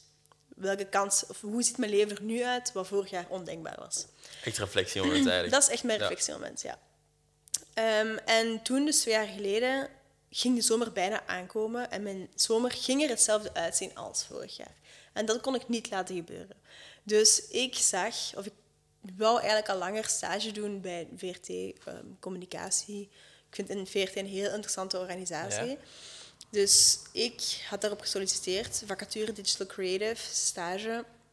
Ehm, en ik heb, ja, dat was toen eh, een opdracht waar ik twee dagen aan bezig ben geweest. Interview, twee interviews, twee dagen voor mijn examens. Maar ik dacht, het maakt niet uit, ik moet, ik moet die stage vast Ja. krijgen. Sorry, en toen kreeg ik eh, een telefoontje dat ik ze had, de stage. Dus ja, heel leuk. Eh, dat was het hoogtepunt van mijn zomer. Ik heb toen heel augustus en een stuk van september daar gewerkt. Wat ook wel chapeau is, want ik denk dat veel mensen zoiets hebben, veel studenten, van ja, ik, eh, ik heb eindelijk vakantie, ik ga hier gewoon mijn voetjes omhoog. Ja, Eh, zeker. Maar het ding is ook, dat was al mijn tweede opleiding. Ik was ook al toen 22, 23. Dus je bent misschien al iets ouder. Je denkt al een, meer, een beetje na over, ja, maar wat na twee, drie jaar. Ja. Dus ik was al in functie van mijn toekomst aan het denken, ik moet iets doen. Ehm, Nog één vraag die je hebt, dat is dan echt stage om, om, om ja, bij te leren, maar je wordt daarvoor betaald? Of? nee, je wordt daar niet voor Nee, betaald? dat was een vrijwillige Als gratis stage. Ja. Tuurlijk, ja, tuurlijk. Eh, dat, was, ja, dat is puur voor mezelf, eh, eh, voor mijn, om bij te leren. Want het is dat het moest voor school, het is dat ik er geld voor kreeg. Maar ik wist, dat gaat me ergens wel iets helpen. En zo zal het ook, want ik heb die stage dan afgerond. Ik ging dan naar mijn derde jaar. En een paar maanden later kreeg ik van VRT Jobs een telefoontje. Kunnen we een gesprek doen over uw stage vorig jaar? En we hebben een nieuw project in de pipeline, dat heet Media Next. En dat is eigenlijk een samenwerking tussen vijf mediahuizen. DPG Media, ehm Woestijnvis, VRT, ah, SBS Media en Mediahuis. Zwat, die vijf mediahuizen. Onze sponsors van vandaag zijn Exact. Die werkten dus samen en zij gingen zorgen voor 40 stageplaatsen. Ja. Eh, dus twee weken bootcamp voor allemaal content creators, digital creatives. Twee weken stage en dan vier weken... Nee, sorry. Twee weken bootcamp en dan vier weken stage. En we kwamen daar met soort... oh, hoeveel waren het er? Ik denk 130 sollicitanten dan. Oké. Ehm, want ja, ik werd dan gebeld door VRT Jobs van dit gaan we doen, heb je zin om daaraan mee te doen? Ze waren daarvoor aan het scouten of aan het ronselen. Dus ik had daarvoor meegedaan. Ehm, en daar ben ik ook overgebleven, samen met ongeveer 40 anderen ehm, heb ik daar meegedaan. Ook al was dat in het midden van mijn masterjaar, wat eigenlijk niet gelegen kwam. Want ik heb me ook wel een beetje beklaagd. Het was echt wel heel druk, maar oké, het was het waard. Ja. Dus ik heb dat dan gedaan. Ehm, en ik had dan gekozen voor een stage bij DPG. Na die twee weken intense bootcamp met Ja. 40 anderen, had ik eh, een stage gekozen bij VTM online. Dat is eigenlijk de dienst die alle sociale media doet van VTM. Oké. Daar heb ik stage gedaan van het moederbedrijf DPG Media. En eh, op onze eerste dag tijdens onze stage ehm, liep er eigenlijk een fotograaf mee met ons om ons ja, te fotograferen voor op de interne, ja, hoe noemt dat, die, die intranetpagina's Ja, van eh, DPG. ja. En eh, dus de fotograaf die volgde ons. En altijd als ik iemand met een camera in de hand zie, ben ik daardoor geïntrigeerd. En dan wil ik daar een praatje mee maken. Dus ik, maakte, ik babbelde daar een beetje mee. En ik vroeg, ah, kan ik uw werk ergens zien? En hij zei, ja, op Instagram, Foto Joko. En ik dacht, Foto Joko, zit jij Foto Joko? Ik ken u, ik volg u al jaren. Je bent de festivalfotograaf van België. Ah, serieus, hè? Ja, eh, ja, tuurlijk. Dat is de huisfotograaf van Studio Brussel.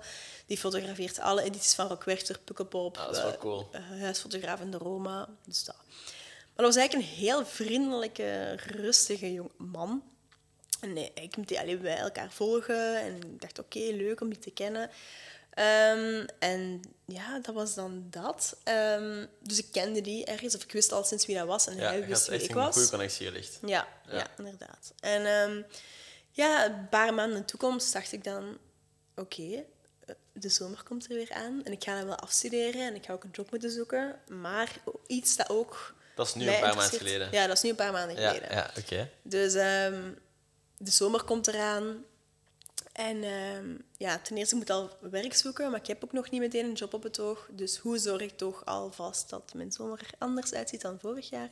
En ik wou foto's maken op Pukkelpop. Ik wou dat heel graag. Dus ehm, ja, hoe is dat eigenlijk gekomen?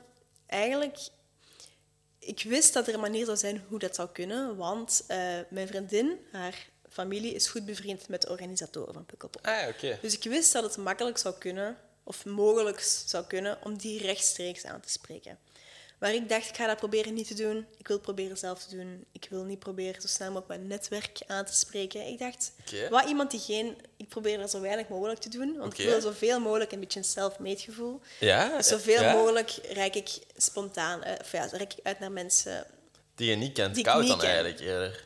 Ja, Ja, niet naar warme connecties maar ja, koude connecties. Dat is, ik, ik zit een beetje in sales. Dat is een heel Ja, het is koud, maar het is... aparte manier om... om... Nee, ik snap het wel, maar bijvoorbeeld, laat ons zeggen... Ja, ik weet het niet. Ik wil niet dat het aanvoelt alsof ik het gekregen heb. Ja. Stel, ik ken u... Ja, ja, ik denk, als je iemand kent, dan is dat zo wat meer gekregen. Er zijn ook al opdrachten tot mij gekomen die iemand die ik ken aan mij heeft gegeven. Ja. En dat vind ik top. Want iemand heeft mij gevonden, een connectie, leuk. Maar ehm, iemand iets, ja, een soort van favor vragen. Ik die vraag, mag ik foto's maken op Pukkelpop, voelt stretched. Voelt als een reach. Dat is niet een één op één ding. Dus ik zou het heel hard aanvoelen als ik heb mijn connecties ja, gebruikt. Oké. En ja, I should. I should. Als ik Ja, kan, moet je ik daar het wel doen. schuldig bij Maar ik denk, laten we het eens proberen om het niet te doen. Want ja. ik denk, sommige mensen hebben nul connecties. Hoe doen zij het? Hm? Ehm, want ik probeer ook soms eh, cold mailings te doen naar organisaties waar ik foto's voor wil maken. Ja? En ja, daar komt eigenlijk ook niet altijd, daar komt heel weinig reactie op. Soms, soms een reactie en dan, ah ja, oké, top, portfolio, leuke foto's. Ja, we willen, we willen dat je het doet of, of we willen contact met u, maar misschien binnen twee maanden of zo.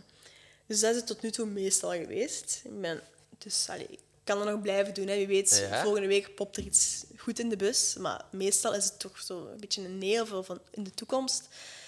En dan denk ik, ja, kijk, als, stel je voor, ik ben nu geboren en ik heb nul connecties. Hoe doet je dit? Ik wil niet die persoon zijn die geboren is met connecties en die, daardoor Ja. ehm, alles ja, makkelijk krijgt. Ehm, ik wil dat proberen zoveel mogelijk zelf te doen. Ehm, want ik ben al, ik, ben, ik vind mezelf al, ik ben heel fortunate. Het is al, alles gaat goed. Ik heb niet veel moeten knokken. Dus ik, ik heb ook een beetje zo dat gevoel, maatschappelijk, sociaal gevoel van ik wil ook ehm, ja, het zo eerlijk mogelijk doen of zo. Oké. Dus ik had eigenlijk via via ook, toen ik ja, ehm, bij DPG, die stage was afgelopen bij VTM, en ik doe daar nu nog altijd werk voor, ehm, voor het merk, het goede, het goede doelenmerk Yes. Dat is nieuw. Nee, dat is nieuw. Dat is sinds vorig jaar. Ja, die, die zetten zich dan in. eh, een heel jaar lang. ehm, ze verzamelen zij geld in. Ehm, en eh, voor 200 jongere organisaties. Ja. Zeg je maar iets. Een organisatie die jongeren van straat gaat plukken om Ja. bezig te houden, zodat er minder criminaliteit ontstaat onder jongeren of andere zaken. Iets wat jongeren kan steunen. Zo, zijn er, zo hebben zij partnerschappen gesloten met 200 organisaties. En ze hebben dan, eh, ja, ze verzamelen daar geld voor in. En heel de, de laatste week van maart bijvoorbeeld was er een grote feestweek. Daar is heel hard op ingezet door Q-Music, VTM, al die merken. Ehm, en ja, daar is, was veel content voor nodig. En daar werk ik regelmatig voor. Volgende week moet ik nog een, een eh, campagne, promo-video shooten. Jess tof. gaat meelopen met Pride. En Ja. dat moet ik mee in beeld brengen. Dus daar doe ik af en toe nog werk voor. En zo zat ik ooit aan een lunchtafel met iemand die ooit... Of, ja, die werkte bij de ehm, communicatiedienst van Pukkelpop. Ah. Dus toen dacht aha. ik, dit is iemand die ik heel natuurlijk op mezelf heb leren kennen. Niet een vriend van een vriendin, van een familielid of een onkel.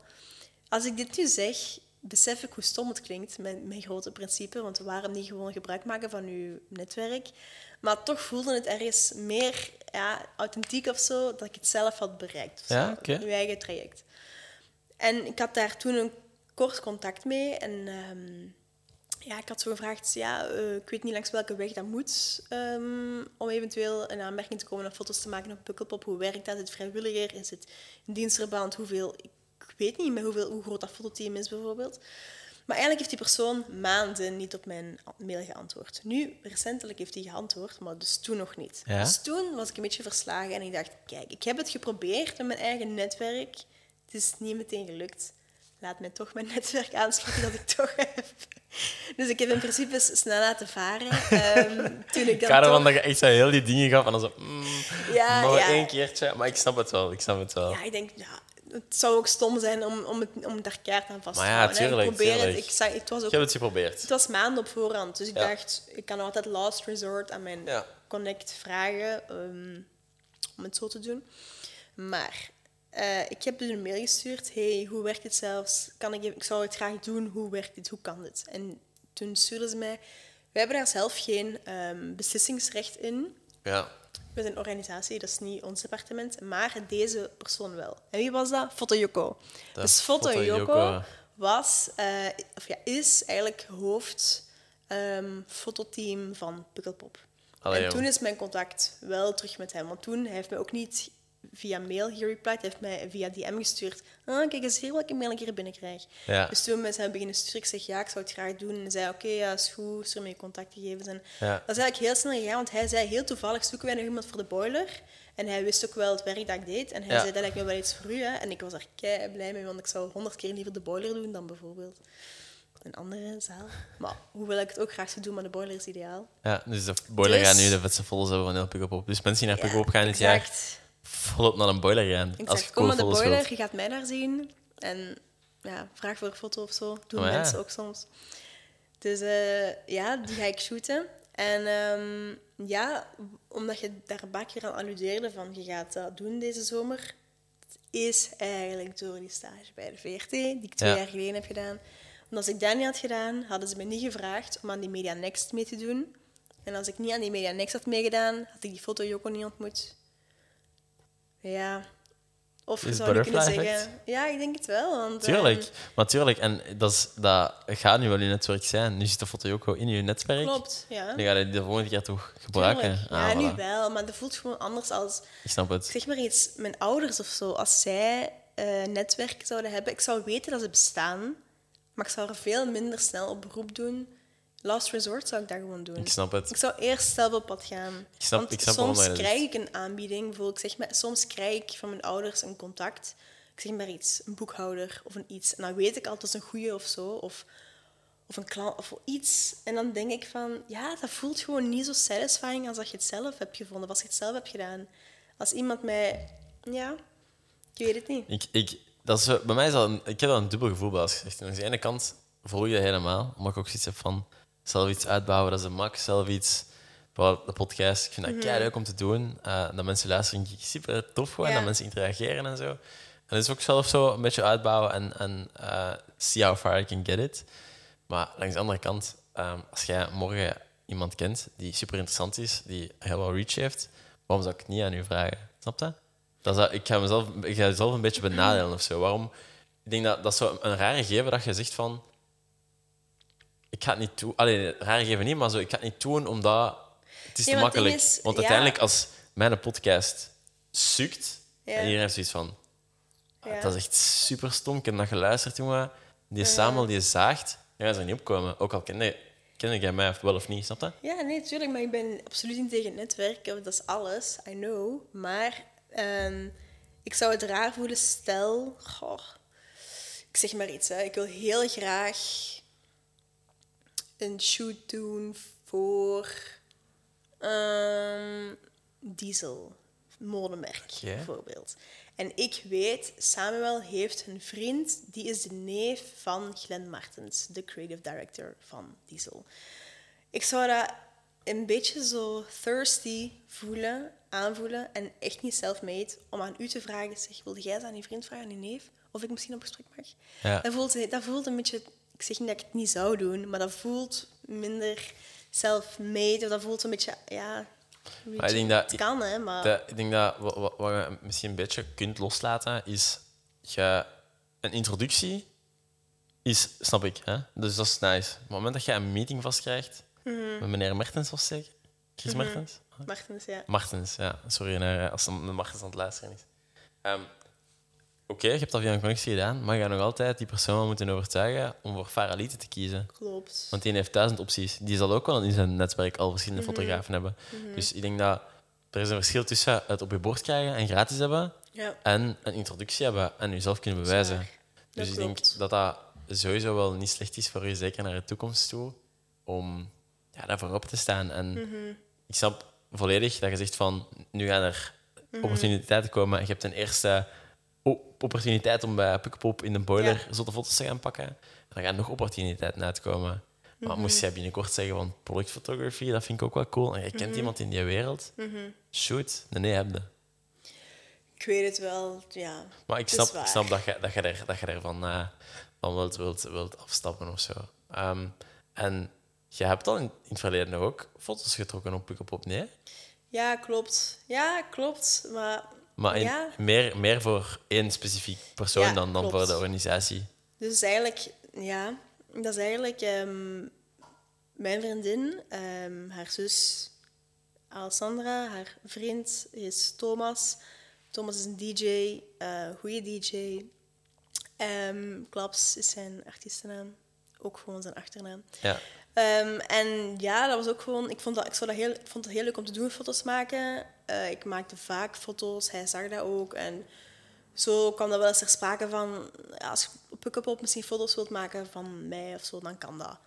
Ook misschien een beetje een geste van hem naar mij toe: van kom op stage, dat is cool, maak foto's, leuk voor u. En ik, goed voor, voor u, dan heb jij er misschien nog een paar foto's aan. Ehm, dus toen heb ik dat gedaan, foto's gemaakt, was leuk. Ehm, en ja, kijk, dat is leuk, maar ik heb wel zoiets van, dat voelt, ja, ik weet niet, dat voelt Het, steekt, het steekt bij je of zo. Ja, ik zou dat nog cooler vinden als je echt zo... Ja. Wat ik nu ook vaak doe, hè. ik doe ook heel vaak een beetje cold mails of ik Ja. ga op LinkedIn zoeken naar ah, die organisatie, wie Ja. is daar head of marketing, wie is daar creative director. Ik stuur die een heel interessante of een, of een aantrekkelijke, denk ik dan, bericht. Ik, een soort van, ja, ik, ik probeer die cold call te doen om te zien, stel als ik niemand ken, hoe ver kan ik geraken op Ja? mezelf? Dat is een interessant En ik experiment. zeg niet dat je dan geen con- connecties mocht hebben. Hè? Want nu door mijn cold mailing en door mijn mensen gaan aanspreken op evenementen of via via, of heb ik ook al een paar contacten die mij ook soms op plaatsen brengen die interessant zijn. Ehm, dus dat voelt heel fijn. En nu ik zeg niet, ja, zo wat meer dat... Ik denk, denk misschien eerder dat, omdat dat zo familiaal is, dat dat meer zo'n nepotism voelt. Ja? Zo, omdat het familie is, krijg je het. Thomas heeft dat gevraagd omdat ik familie ben, niet omdat ik een goede fotograaf ben. Maar Ook. is dat zo? Ja, deels misschien. Is dat zo? Of Ja, zeg je zelf? Als we elkaar niet zouden kennen, zou ik dat niet vragen. Dus het speelt Maar dan mee. zou je je niet kennen. Nee, nu je weet hij, die kent dus die weet dat je fotografie doet, die heeft die foto's zien, die heeft zoiets van... Ja, Het is niet dat je naar hem bent gegaan, hè? dus alsnog, snap je? Dan je wel, Ja. Ik vind dat je dan wel iets verder mocht zijn. Je maakt kick-ass foto's, je maakt kei Ja. toffe content. Ik denk dat... Dan je wel, allee, dan moet je wel iets... klopt. Prouder in ik, ben, zijn. ik ben wel blij met mijn werk, hoor. Ik ben, daar ben ik absoluut Ja. ook van overtuigd. Ik vind ook het werk dat ik maak, vind ik goed. Ehm, ik probeer gewoon... Het is een beetje ook een spel, zien van wat brengt mij waar, met wie Ja. kan ik praten. En het is ook heel fijn om in retrospect te kijken. Och, toen die ene keer, toen ik aan die tafel zat met die persoon, waarvan ik toen dacht, dat is gewoon een, ja, weet ik veel, niemand, een collega. Of, of toen ik met andere mensen heb gepraat.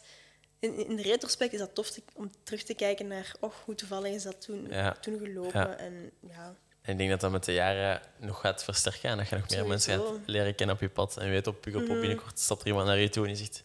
Oh, je maakt foto's, what the fuck, coole weet, foto's, stuur me na. En dan is dat ook... Dus, dat, dus ik, daar zoek ik ook Voilà, echt ja. heel hard naar. En zo van die onwetendheden. Bijvoorbeeld, een paar weken terug, iemand die ik ken, die ik ook via Yes heb leren kennen, ehm, het jongerenmerk, of nee, ja, het jongere goede doelenmerk van DPG, eh, is eh, Moran. Zij is een zangeres en eh, zij was op Paris Fashion Week. En ik stuur haar een bericht, wow, cool, je bent daar, super nice. En zij stuurt gewoon, jij kunt dat ook doen, hè. En ik zei, ja, dat is waar, maar mm, ik ken niemand, ik ken dat niet, ik, ik weet niet hoe dat werkt daar. Hm.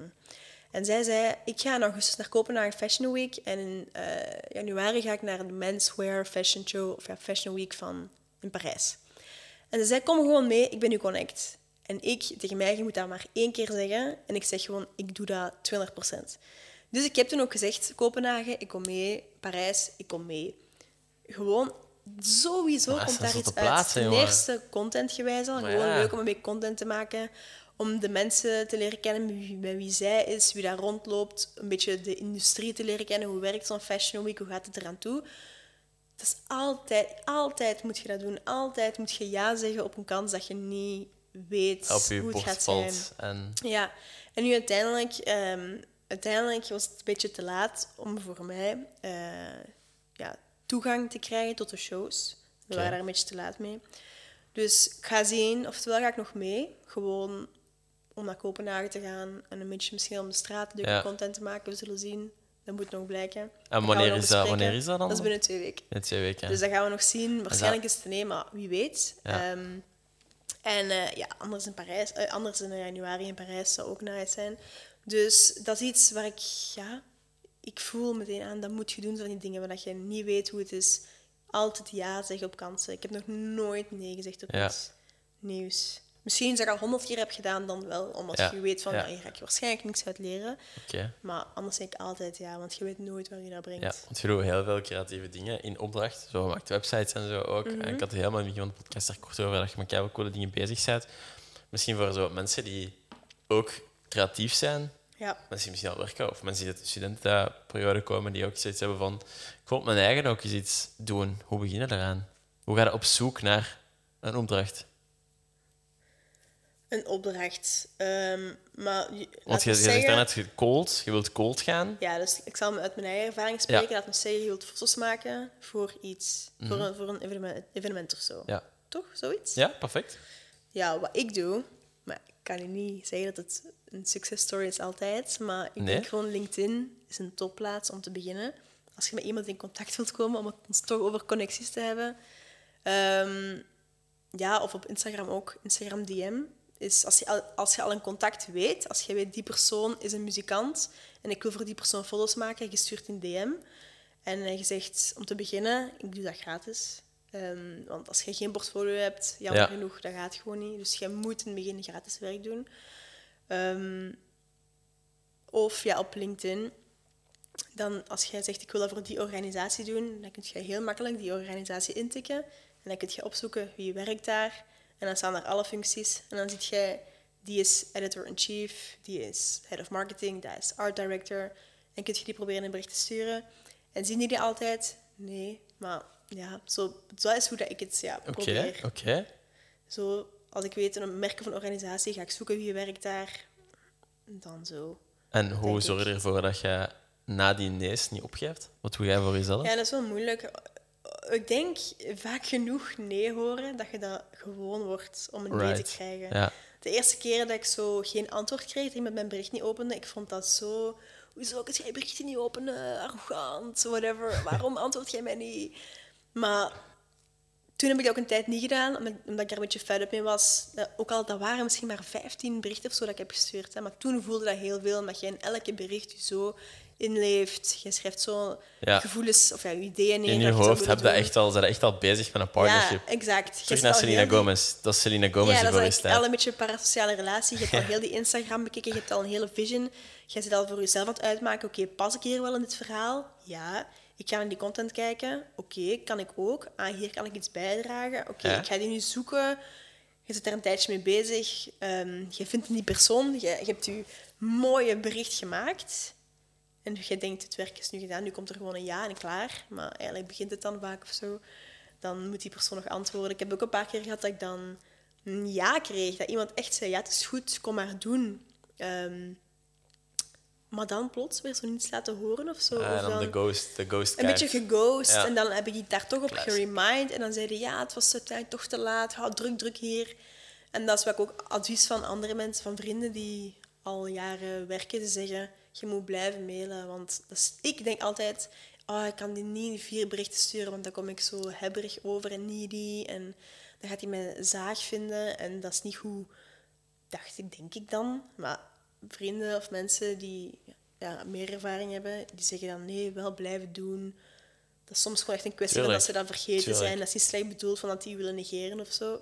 Dus ik heb dat ook al meer aanvaard van oké, het feit dat die niet antwoorden, dat is niet van qua je wil, dat is gewoon mensen die niet antwoorden en die dat vergeten. Dus je moet gewoon opnieuw doen. En eh, dat doe ik nu ook vaker. Ik doe een reminder. Ik stuur eens een keer ja, in, op een andere insteek en dan krijg ik daar wel een reactie op bijvoorbeeld. Dus Ja. ja, pff, ik- gewoon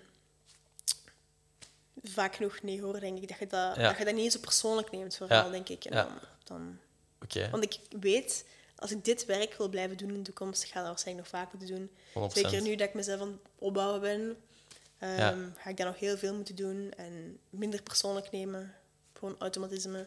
Misschien aan AI vragen, hey, is- hey AI, stuur naar iedereen een eh, berichtje. Dan moet ik me er niet meer mee bezighouden. Oké. Nee, het zal wel, ik zal het wel zelf doen. Ik heb nog, ik heb nog, een- nog één vraagje. Mm. Wat is je vierste moment tot nu toe geweest dan? Een heel creatief gebeuren. Eerste vier.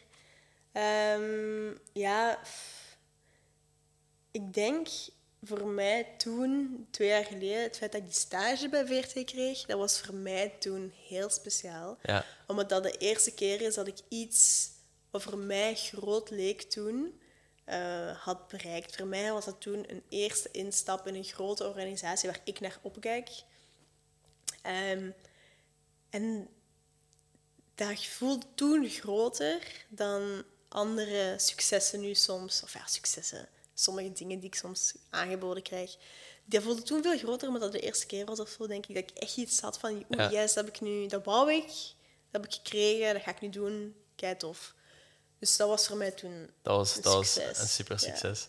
En dan misschien ehm, nog, nog een, een vraagje die ik heb ook, is als je nu naar de Selena Gomez fangirl Farah in je teenage years terug kunt reizen, Mhm. welke les zou je haar meegeven? Of one piece of advice dat je zou zeggen van...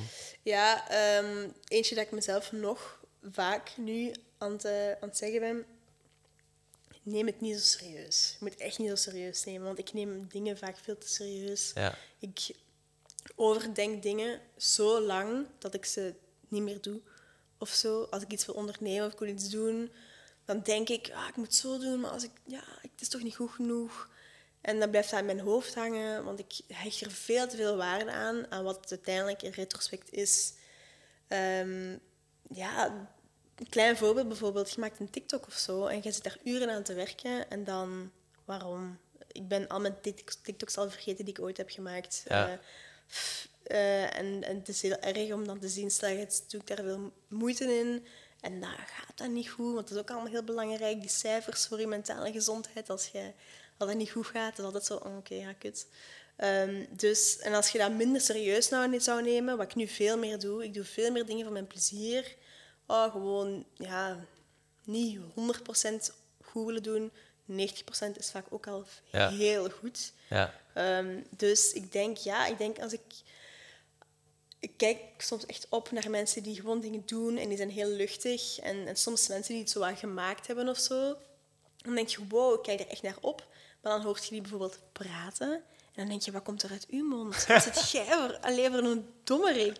En dan denk ik van, jezus. En ik zit dan zo wikken en te wegen elk woord Ja. dat ik zeg, elke daad dat ik doe. Omdat het maar goed moet Ja. overkomen of zo. En dan denk ik, nee, als je gewoon chill, je komt ook gewoon veel authentieker over. Je, komt beter, je voelt je beter, je voelt je beter met je... Ja, als je gewoon niet serieus neemt en gewoon doet.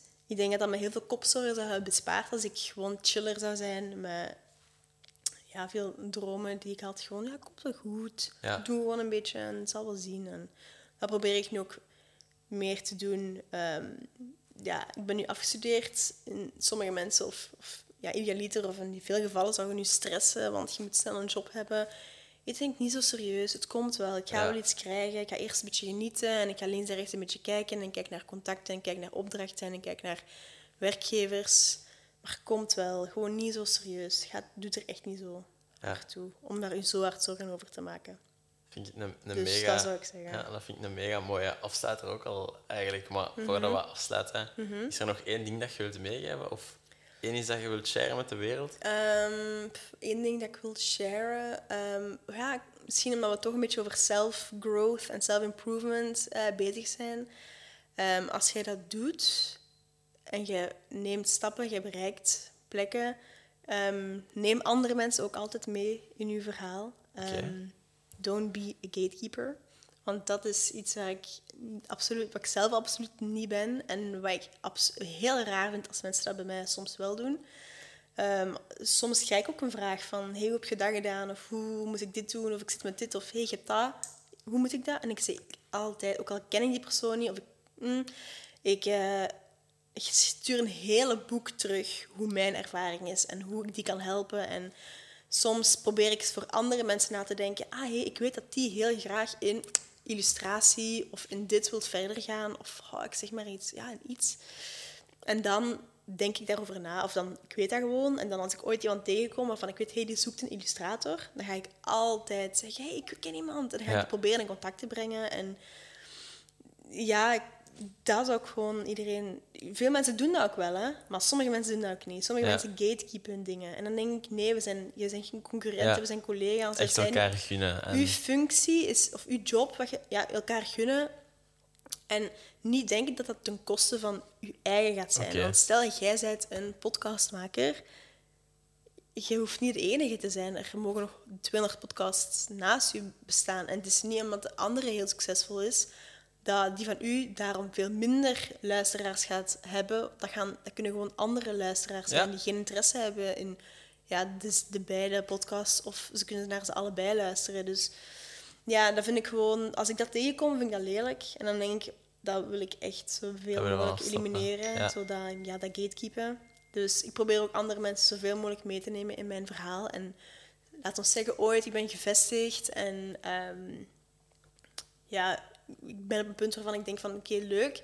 Dat zou ik ook echt delen. Misschien meer publiekelijk van dit is mijn verhaal. Nu heb ik nog het gevoel van ik ben zelf bezig. Dus ik ga nu niet zeggen, hey, dit moet je doen, want ik ben zelf nog aan het ontwikkelen. Oké, mooi.